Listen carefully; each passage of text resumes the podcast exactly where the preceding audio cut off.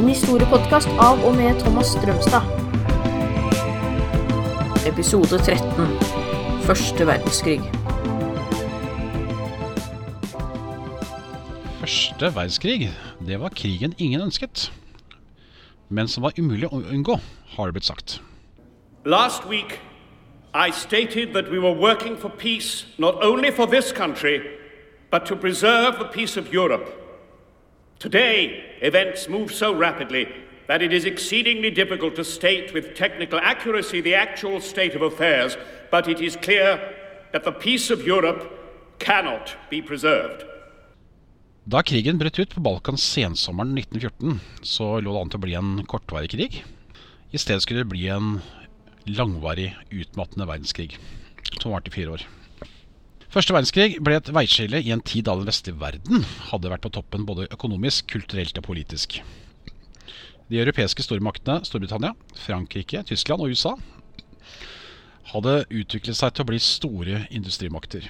Teknologisk utvikling og økonomisk utvikling førte til bedre og lettere leveforhold for veldig mange.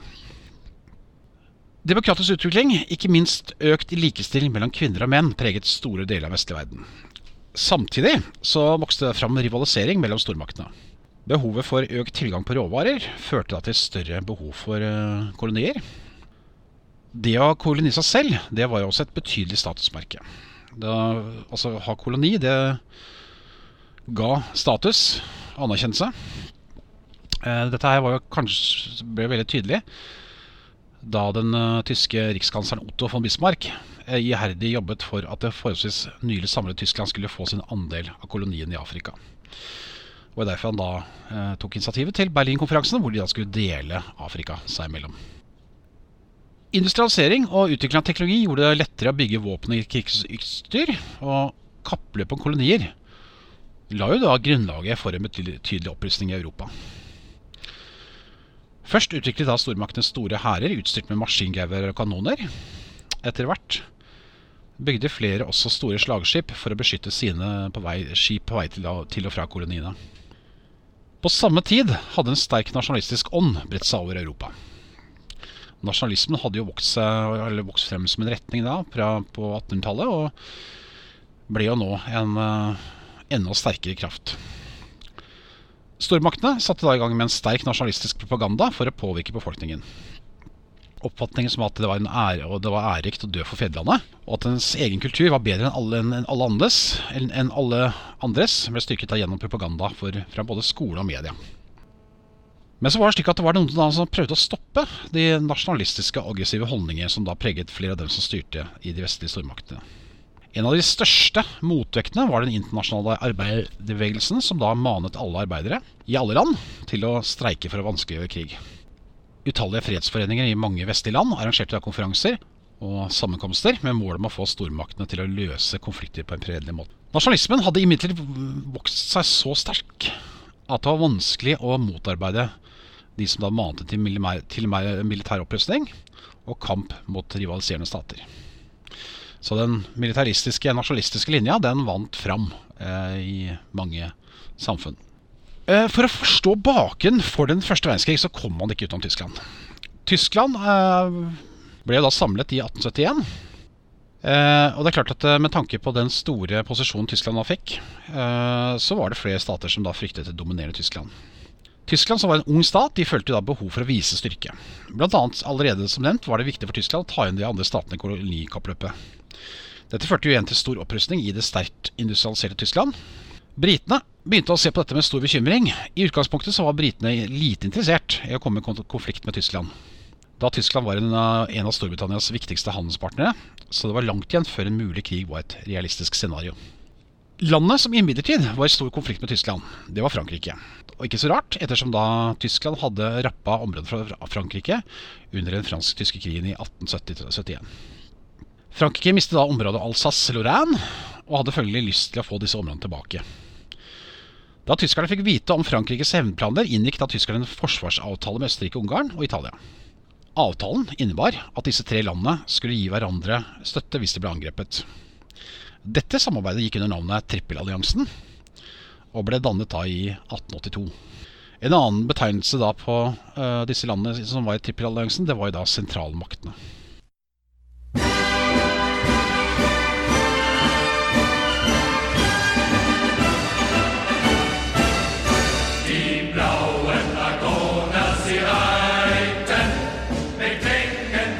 Som et svar på dette gikk Frankrike, Russland og Storbritannia sammen i trippelententen. Den britiske eh, historikeren Frank, Frank Walsh sier følgende Krigene som rystet Europa på 1900-tallet og spredte seg til andre områder, hadde sitt utgangspunkt i det urolige Balkan. I motsetning til de fleste tidligere konflikter, som var basert på rene territoriale motsetninger, og hvor store dynastier var de førende pater, hadde man nå fått konflikter med utgangspunkt i nasjonalistiske og ideologisk orienterte bevegelser. På Balkan hadde nasjonalismen blitt en eksplosiv kraft, og motsetningen mellom de forskjellige folkegruppene tiltok så mye at det stormet opp mot stor konflikt. Da serberne begynte å gi uttrykk for at de ønsket et rike hvor alle de slaviske folkene, dvs. Si serbere, kroater, bosniere og slovenere var samlet, ble Østerrike-Ungarn engstelig.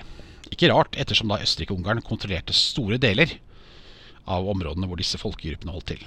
Dersom Serbia fikk sin drøm gjennomført, ville dette bety et svekket Østerrike-Ungarn.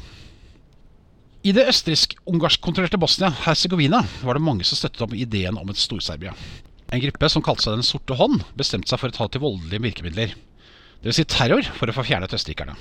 I juni 1914 hadde den østerrikske tronfølgeren Frans Ferdinand og hans kone Sofie meldt sin ankomst til Sarajevo, hovedstaden i Bosnia-Hercegovina. Frans Ferdinand var kjent for å være en mann med humane og demokratiske ideer. Hans mål var eh, med besøket var å vise at han forsto slaverne, og at han ville vise respekt ved å besøke dem. Gavrilo Princip, en ung serbestudent, var glødende nasjonalist og befant seg i Sarajevo da kronprinsparet kom på besøk. Han hadde bestemt seg for å skyte dem. Først avløste han hele planen, da det viste seg at det ble for vanskelig å finne et sted langs kronprinsparets rute. Så skjer følgende. Sjåføren til kronprinsparet finner ut at han har kjørt feil, har kjørt feil om å rygge. På kafeen rett ved siden av sitter nettopp Prinsipp.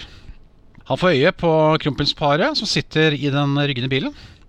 Han løper ut og fyrer av skudd mot dem begge to. Skuddene er dødelige. Nå skjer flere ting raskt etter hverandre.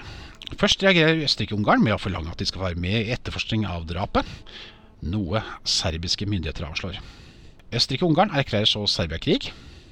Russland, som har store sympatier med sitt slaviske broderfolk serberne, og som ser med stor mistenksomhet på Østerrike-Ungarn, stiller seg da på serbernes side. Tyskland, som er alliert med Østerrike-Ungarn, erklærer så krig mot Russland. Samtidig, samtidig erklærte da Tyskland også krig mot Frankrike, som en støttespiller av Russland. Tysklands mål var nå å ta eh, Frankrike da gjennom et lynangrep gjennom Belgia, altså såkalte Schlieffen-planen. Storbritannia hadde lovet Belgia støtte dersom de ble angrepet, og erklærte nå Tyskland krig.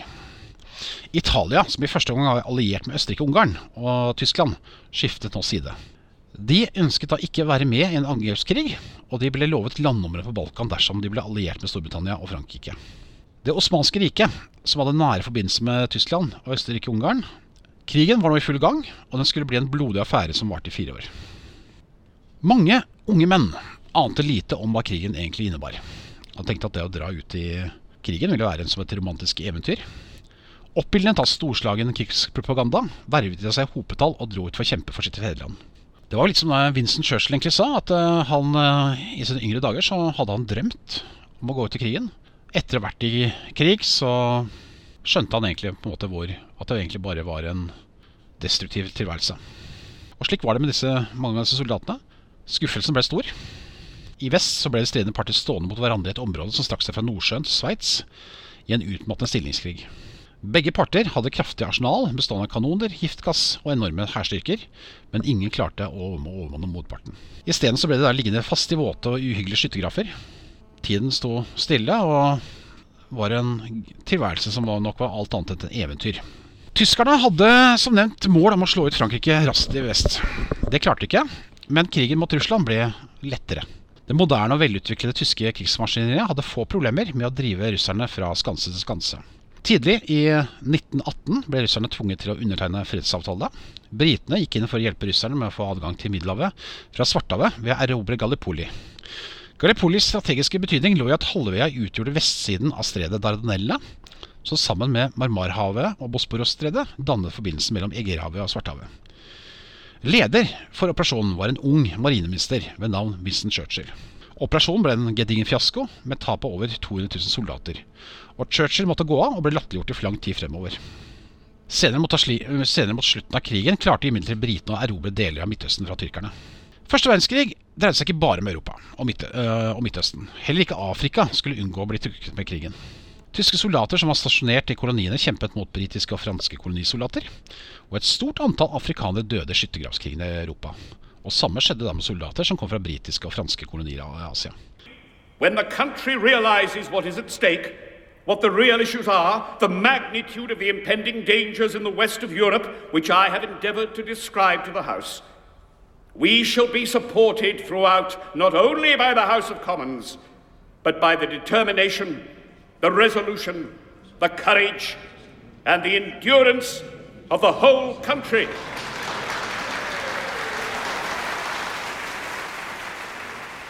Tilbake til vest. I 1917 innledet britene en blokade mot tyskerne i Nordsjøen. Målet var å stoppe import av viktige varer til Tyskland. Tyskerne responderte med å sette med ubåter som skjøt i senk et stort antall skip som gikk i trafikk mellom USA og Storbritannia. Mange amerikanske skip ble rammet, og med senkingen av det britiske Lustiana, hvor mange amerikanske liv gikk tapt, hadde USA fått nok og gikk inn i krigen på de alliertes side. Krigen mellom sentralmaktene og de allierte hadde ført til slitasje på begge sider. Men med amerikansk hjelp hadde de allierte nå fått et solid overtak. Etter hvert var sentralmaktene så utmattet og så seg nødt til å kapitulere. Selve kapitulasjonen skjedde 11.11. 11. klokka 11 1918 i en jernbanevogn i Combiné-skogen utenfor Paris. Men dette var også det tyske, østerrikske, ungarske keiserdømmet og det osmanske riket en saga blått. Nå som krigen var over, var det tid for krigsoppgjør. I januar 1919 ble det innkalt til møte i Versailles for å ordne opp med både tapende parter og bli enige om hvordan man skulle samarbeide videre. For tyskerne fortonte hele seg som en rettssak hvor de ble erklært skyldige på alle punkter og fikk den strengeste straff. Tyskerne fikk skyld for å starte krigen. De ble idømt å betale enorme økonomiske beløp til Storbritannia og, og Frankrike. Og de mistet landområder til både Frankrike, Danmark og Polen. Pluss at de måtte gi fra seg alle sine kolonier. Videre ble de pålagt enorme begrensninger når alt det militære. De fikk ikke ha verken stor hær, sjøflåtte eller flyvåpen, og de fikk forbud mot å motta soldater i innland på grensen til Frankrike. Når det gjelder Versailles-traktatens betydning for videre samarbeid, var det flere som så for seg et nytt samarbeid. Et samarbeid basert på fredelig sameksistens. Den idealistisk innstilte presidenten Woodrow Wilson fra USA var opptatt av at man ikke skulle hevne seg, men heller ha en fred uten tapere. Videre mente han at folks nasjonalitet skulle danne grunnlag for dannelse av uavhengige stater. Til dette la han da folkesuverenitetsprinsippet til grunn. Wilson hadde også ønske om å danne en ny organisasjon som skulle jobbe for fredelig samkvem mellom verdens stater. Og med dannelse av Folkeforbundet ble dette en realitet. Selv om dens reelle betydning skulle bli heller liten og til slutt forfalt uh, til totalt marginalisert. Å kalle Versailles-freden en vellykket affære er en overdrivelse. Det blir ofte sagt at andre verdenskrig startet der første verdenskrig sluttet.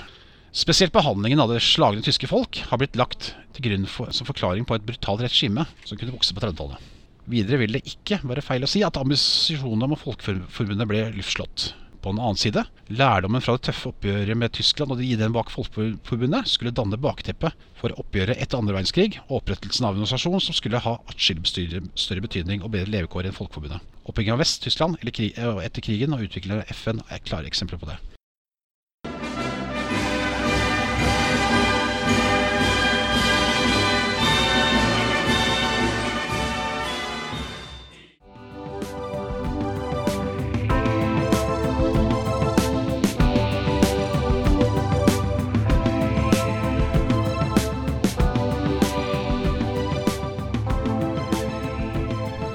Du har hørt en historiepodkast av og med Thomas Strømstad.